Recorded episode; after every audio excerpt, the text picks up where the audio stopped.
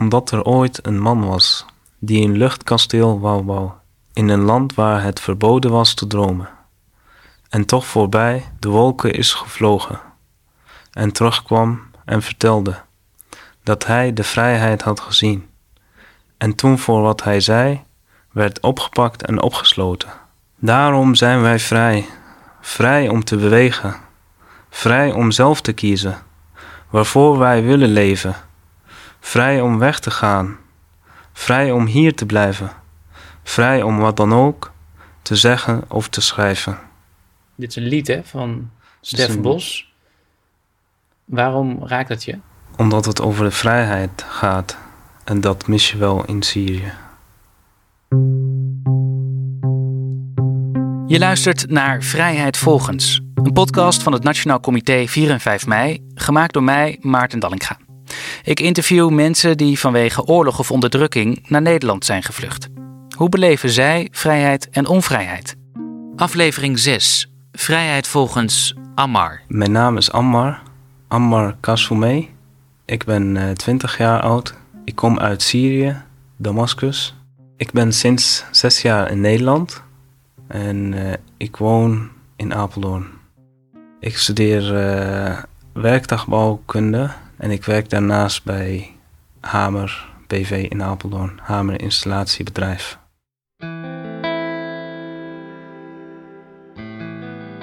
Heel angstig.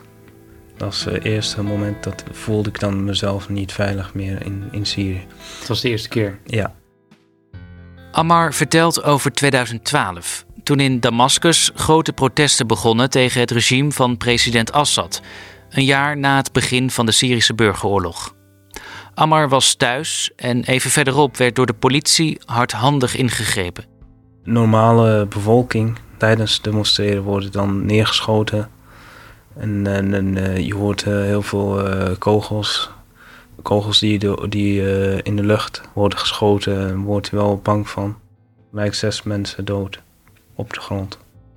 Dan wil je eigenlijk zo mogelijk binnen het huis blijven. Niet richting het balkon gaan. Want voelt het alsof de kogel die komt op elk moment binnen ik was thuis met eh, mijn moeder en mijn broertjes en mijn opa en oma. Maakte je je ook zorgen over mensen die jij kende, eh, die misschien wel bij die demonstratie waren? Ja, eigenlijk wel. Mijn neven die, die daar waren toen, die zouden naar ons toe komen. Kon je ze bereiken? Nee, alles viel uit op dat moment. Communicatiemiddelen en elektriciteit en, en, en dat kunnen ze allemaal eh, beheersen, zeg maar. Protesteren over buitenlandse zaken, dat, dat kunnen we wel mee bemoeien. Maar niet over binnenlandse zaken. En daar ging het eigenlijk helemaal mis. Je mocht geen kritiek hebben op het nee, regime Assad. over, ja, over eh, de president zelf niet en over de regering ook niet. Je mening telt niet mee. Na de demonstratie met dodelijke afloop blijft Ammar ongeveer een week nagenoeg binnen. Zijn vader is dan al een tijdje in Turkije om werk te zoeken. Hij besluit zijn gezin over te laten komen. Ze laten bijna alles achter. We dachten dat het een maand zou duren. En toen zijn we eigenlijk eh, nooit meer teruggegaan. Want de situatie in Syrië verergert snel. Uiteindelijk blijven Ammar en zijn familieleden twee jaar aan de Turkse kust. Die tijd die ik in Turkije had, was een moeilijke periode, maar ook leukste periode in mijn leven. Twee jaar vakantie is dat ook heel mooi. Wat deed je? Ja, heel veel picknicken en, en eh, een nieuwe taal leren en eh, nieuwe mensen kennen. En, eh, Wilde je niet terug? Ik wil altijd teruggaan, maar omdat we niet veilig, omdat er geen veilige situatie is, het moeilijk. En ja, ik wil wel, maar ik kan er niet teruggaan. Als ik nu eh, aan de grens kom, dan word ik ook opgepakt en eh, moet een militaire dienst eh, volgen. En toch, ondanks de onveiligheid en onvrijheid in Syrië, blijft het zijn land. Hoe was het als kind in Syrië? Als je kind bent, dan bemoei je ook standaard niet met de politiek. Voor mij was het niet heel erg, die, die vrijheid die, die de hele Syrische bevolking mist. Je kon gewoon kind zijn. Ja, Dat, dat merkte ik niet veel van eigenlijk. Ook niet op Maar- school eh, door de manier waarop les werd gegeven, bijvoorbeeld? Dat wel. Op school wordt eh, eigenlijk in elke klas wordt, eh, de foto van de president opgehangen. En ja, daar ma- mag je niks over eh, zeggen. En, eh, en die man die doet het perfect. En, en eh, Dat werd ook gezegd in de klas? ja, dat wordt ook, n- hoe heet dat, hersenspoelen of Gehersenspoeld. eh, wordt hersengespoeld. Geloofde Nee. jij dat dan ook?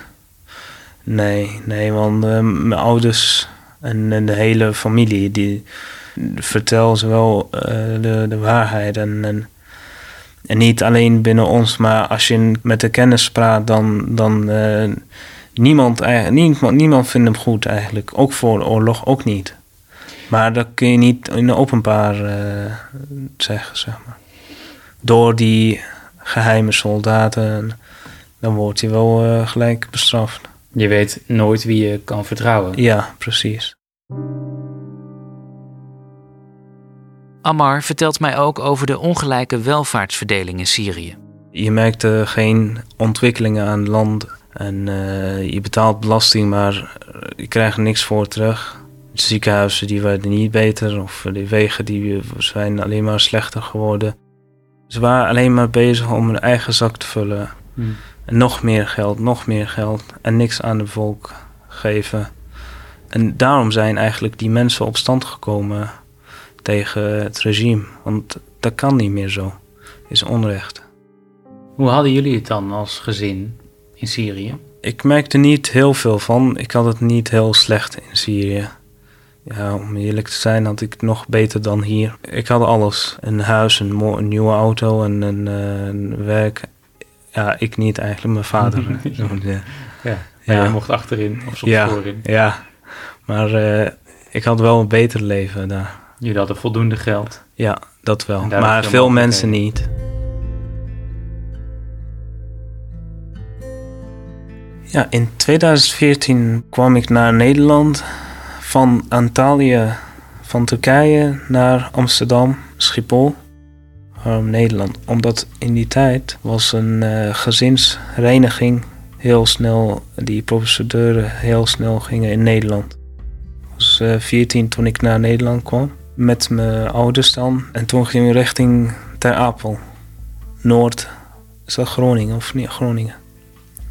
Noord-Groningen. Ja, de wegen zijn echt prachtig hier. Ja, ik achteraf eh, zijn wel de mooiste wegen in Europa. Mooi, eh, strak geregeld en eh, alles gestructureerd. ziet er goed uit. Hoe vrij of onvrij voelde jij je toen, toen je in Nederland aankwam? Heel vrij. Je mag nu eh, alles eh, zeggen wat je denkt. En eh, ook over politiek, demonstreren. We hebben ook een keer gedemonstreerd ook tegen het Assad-regime in Amsterdam bij de Dam.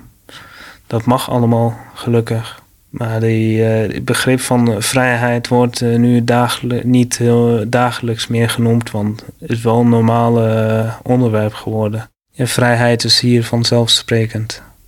Ook voor jou? Tegenwoordig wel.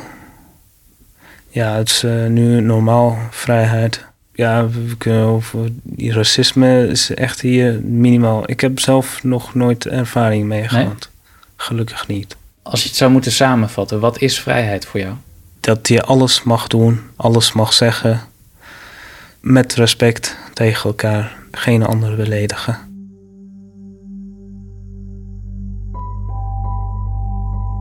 Ik heb nog steeds hoop dat hij nog leeft. Dat kan ook. Eh, ze geven ook soms verkeerde berichten van Hmm. hij is dood om, eh, om minder aandacht om te schenken.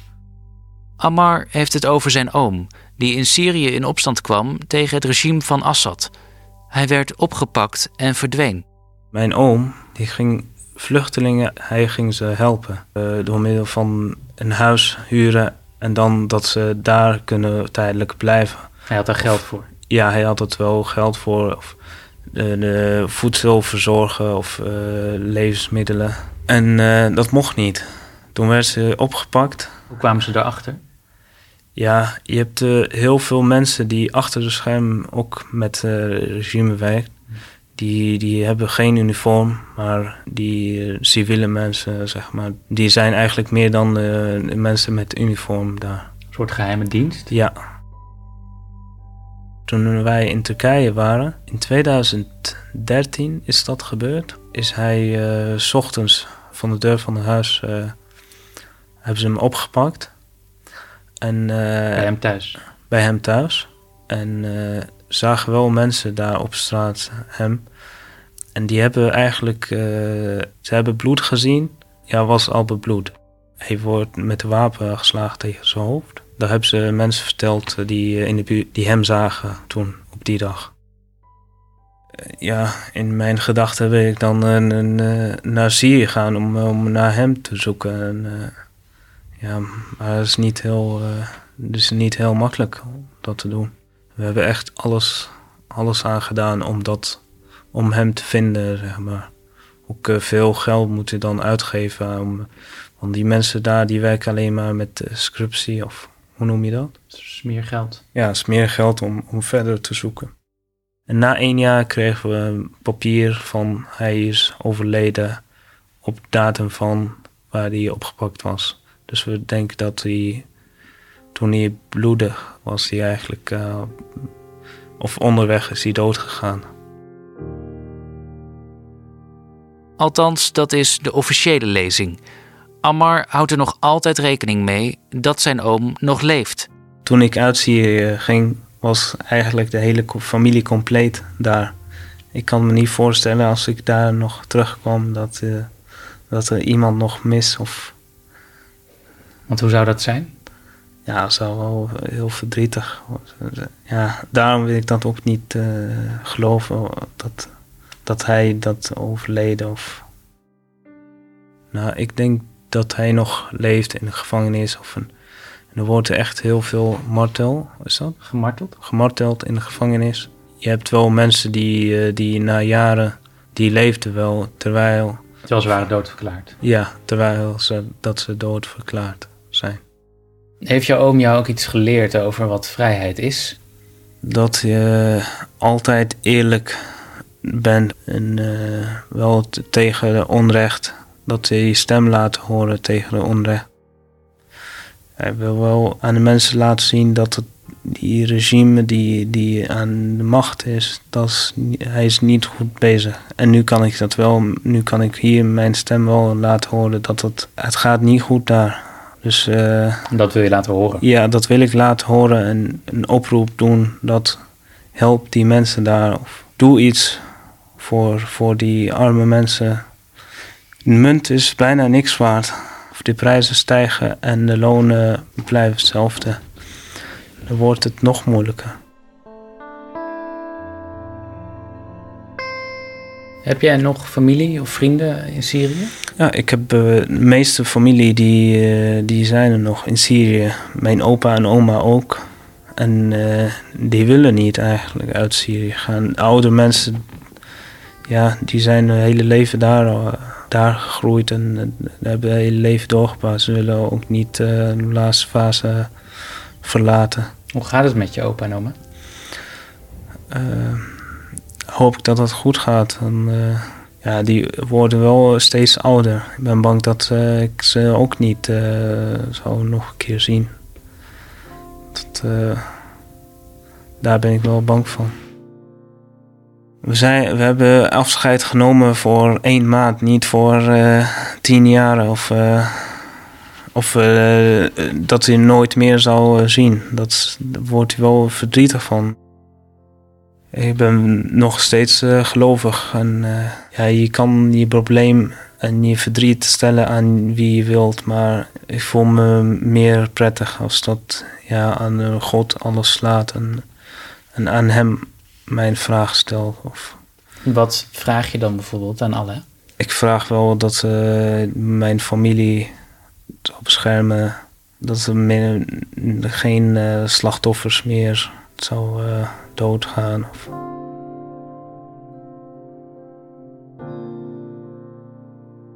Want als het nu weer helemaal goed zou zijn in Syrië, zou je dan terug willen? Ja, in mijn gedachten wil ik wel teruggaan. Ja, dat is wel lastig deze vraag hoor.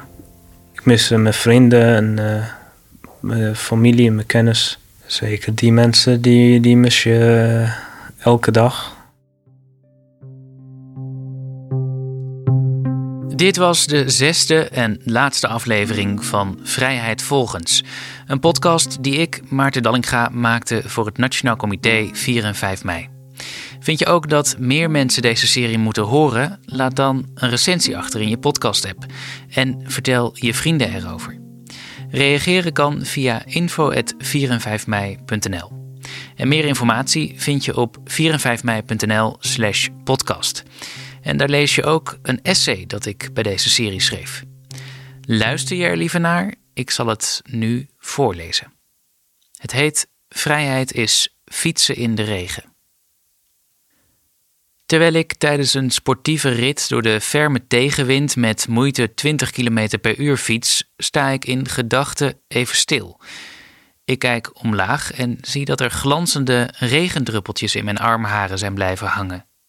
Het waait zo hard dat ik niets hoor dan de wind. Ik ruik het natte asfalt en voel mijn doorweekte schoenen. Het maakt niet uit. Mijn vriendin en ik beuken en beuken en lachen naar elkaar. We voelen het allebei. Dit is vrijheid. Misschien is het de eenvoud. Waar we gewoonlijk zoveel van anderen en onszelf moeten, hoeven we nu alleen maar te trappen. Er kan eigenlijk niets fout gaan. Alles is goed. En misschien is het ook de ruwe confrontatie met de elementen. We bouwen muren en daken om wind en regen buiten te houden en kruipen hele dagen achter een computerscherm. Soms vergeet ik daardoor dat we onderdeel zijn van een groter geheel. Voel ik mij wat verloren. Maar nu voel ik mij door de elementen omarmd en kom ik gevoelsmatig weer een beetje thuis. Alsof ik door de wind op mijn plek word gezet.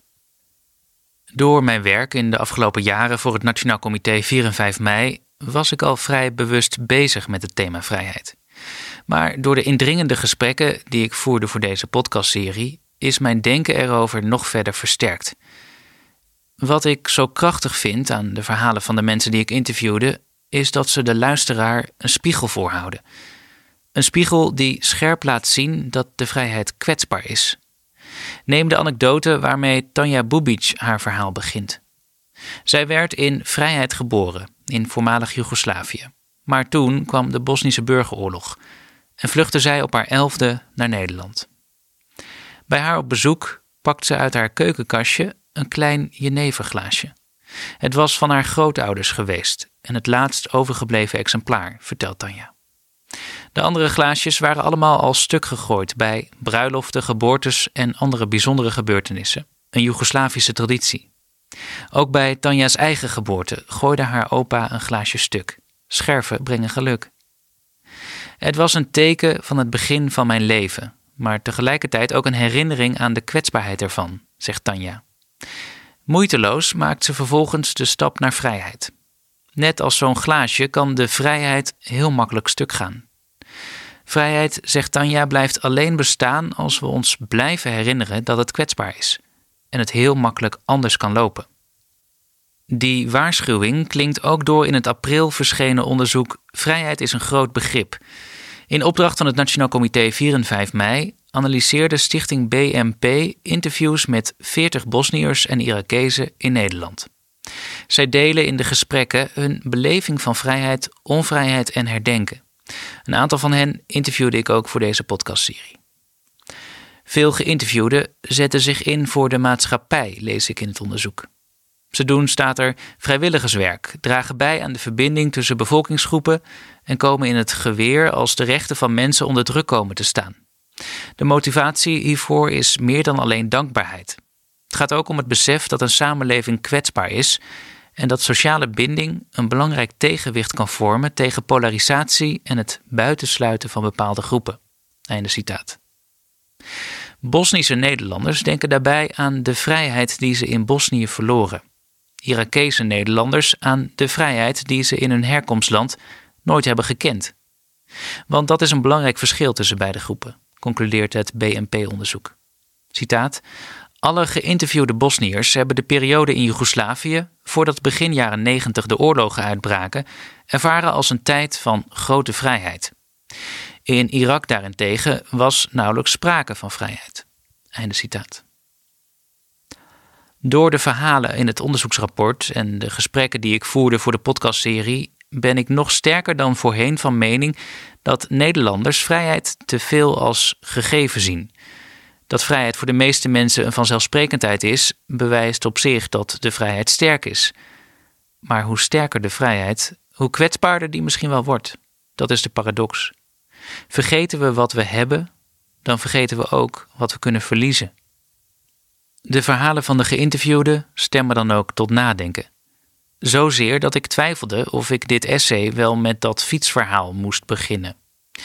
Is het niet een wat aanstellerige beschrijving van mijn gevoel bij vrijheid? Zij hebben oorlog of ernstige onderdrukking meegemaakt. Kom ik aan met een verhaaltje over regen en wind? Is dat wel respectvol richting mijn geïnterviewde? Maak ik vrijheid als fenomeen niet veel te futiel? Ik denk bijvoorbeeld ook aan Faris al-Wassati, die in Irak bijna tien jaar oorlog meemaakte. Hij zegt: Het mooiste gedeelte van mijn leven, tussen mijn twintigste en dertigste, ben ik gewoon kwijt. Zie ik niet een veel grotere waarde van vrijheid over het hoofd? Wel, voor mij is vrijheid onlosmakelijk verbonden met vrede en veiligheid. Het zijn voorwaarden voor een onbezorgde fietstocht. En dus moeten we vrede en veiligheid koesteren. Maar met alleen dat is er nog geen vrijheid, denk ik.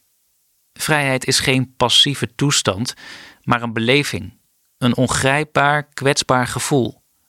Voor mij zit het in aanraking, in beweging, een respectvolle discussie, een melodie, in poëzie. Als ik het zou moeten samenvatten, zit vrijheid voor mij in kleine, maar grootse zintuiglijke ervaringen. Voor mij is vrijheid dat ik mij verbonden voel met mijzelf, anderen en de wereld. Die benadering vind ik trouwens ook terug bij mensen die voor het BNP-onderzoek werden geïnterviewd. Al kan ik me indenken dat bijvoorbeeld een stukje fietsen voor hen nog veel meer betekenis heeft. Zo zegt een Bosnische Nederlander: Op microniveau is vrijheid dat ik vanochtend een uurtje heb mogen fietsen en dat ik me geen zorgen maakte dat er ergens een granaat zou vallen. En een Irakese Nederlander: Moet je je voorstellen dat je sterk bent, het is mooi weer, maar je kan niet naar buiten gaan.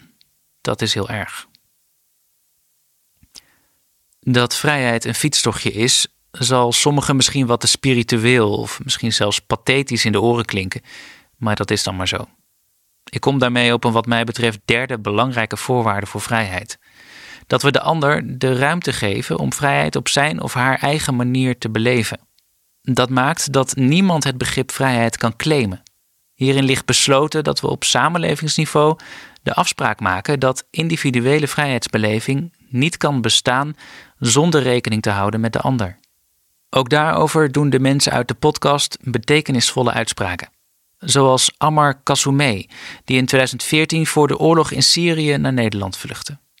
Voor hem is vrijheid dat je alles mag doen en zeggen, zegt hij, met respect voor elkaar, zonder anderen te beledigen.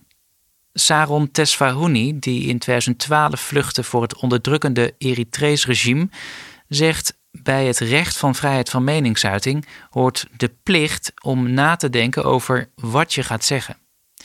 Dat betekent dat Saron zich verdiept in de ander door veel vragen te stellen, legt ze uit, zodat ze zich bewust is van het andere perspectief. Ze heeft vrienden met wie ze het op sommige punten principieel oneens is, maar daarom hoeven we nog geen ruzie te maken, zegt ze. Het gaat erom dat je elkaar ruimte geeft, vertelt ze. Dat je van de tussenruimte een brug maakt. Zo kunnen we samenleven. Toch is die figuurlijke verbinding niet altijd mogelijk. Soms is er een goede reden om de vrijheid van de een boven die van de ander te stellen. Maar daarbij hoort ratio, dus een feitelijke afweging, de boventoon te voeren, met ruimte voor emotie. Niet emotie zonder ratio. Vrijheid definieer en maak je samen in een dynamisch proces, waarin voorop moet staan dat je met elkaar in gesprek blijft. Ik droom stiekem van een wereld waarin we de grondwet, het Europees Verdrag voor de Rechten van de Mens en andere VN-verdragen helemaal niet meer nodig hebben, omdat we er samen wel uitkomen. Tot die tijd hebben we gelukkig democratisch opgestelde spelregels en onafhankelijke scheidsrechters. Dat die af en toe nodig zijn, bewijst ook de omgang met de coronacrisis Bijvoorbeeld op het Drielandenpunt, waar het in horeca op het Belgische grondgebied verplicht is een mondkapje te dragen. Staat op levensgrote borden. Toch proberen Nederlanders voortdurend zonder mondkapje naar binnen te lopen, zegt een serveerster begin augustus in NRC. Als je hen daarop wijst, roepen ze vaak: Oh, niet bij me, en lopen toch naar binnen. Ongelooflijk, zegt de vrouw. Zoals schrijver Ilja Leonard Vijver zei in tv-programma Zomergasten: Vrijheid is geen vrijheid als die gebaseerd is op egoïsme. Soms heeft de hang naar negatieve vrijheid, de vrijheid om te doen wat je wilt en met rust te worden gelaten door de overheid, misschien te veel de overhand in de westerse wereld. Zo betoogt ook historicus Annelien de Dijn, auteur van het onlangs verschenen boek Freedom: An Unruly History. In een interview met NRC noemt ze de situatie dat coronamaatregelen ter bevordering van de volksgezondheid als een vorm van tirannie worden gezien, het compleet rigide doortrekken van het principe van de negatieve vrijheid. Het is noodzakelijk dat een staat democratische wetten maakt die ervoor zorgen dat zoveel mogelijk mensen van zoveel mogelijk vrijheden kunnen genieten. Einde citaat. Denk ook aan het afstraffen van discriminatie. In het onderzoek Vrijheid is een groot begrip vertellen Irakese Nederlanders dat zij zich door discriminatie soms onvrij voelen. Quote, Nederlanders discrimineren, zeker in de dorpen waar sommigen woonden voordat ze naar de stad verhuisden. Maar ook binnen de eigen gemeenschap krijg je soms te maken met afwijzing, als je bijvoorbeeld besluit om geen hoofddoek meer te dragen. En dan zijn er Turkse kinderen die glashard tegen jouw kinderen zeggen dat Koerden niet bestaan. In juni kwam Noah ter wereld, het eerste zoontje van Saron Tesfahuni. Wat het voor haar betekent dat Noah is geboren in Nederland en niet in Eritrea? Hij mag zijn wie hij wil zijn, zegt Saron. Hij moet zich aan de regels houden, maar dat hij in zijn eigen leven geen vijanden heeft, vind ik de grootste blessing. Het grootste cadeau dat ik hem kan geven is zijn vrijheid. En toch, Saron vertelde ook dit: dat zij bij sollicitaties soms wordt afgewezen om haar achternaam. En dat haar bij een instelling voor volwassenenonderwijs werd afgeraden om in één jaar het VMBO te voltooien. Je kunt ook snel gaan werken, zei de medewerker, in een supermarkt of de schoonmaak. Voel jij net als ik plaatsvervangende schaamte? Laten we er met z'n allen voor zorgen dat Sarons zoontje Noah niet alleen nu, maar zijn hele leven in vrijheid kan leven. Liefde is een werkwoord, luidt het cliché. Vrijheid is dat even goed. Wil je het essay nog eens nalezen? Kijk op 4 en 5 mei.nl slash podcast. Bedankt voor het luisteren.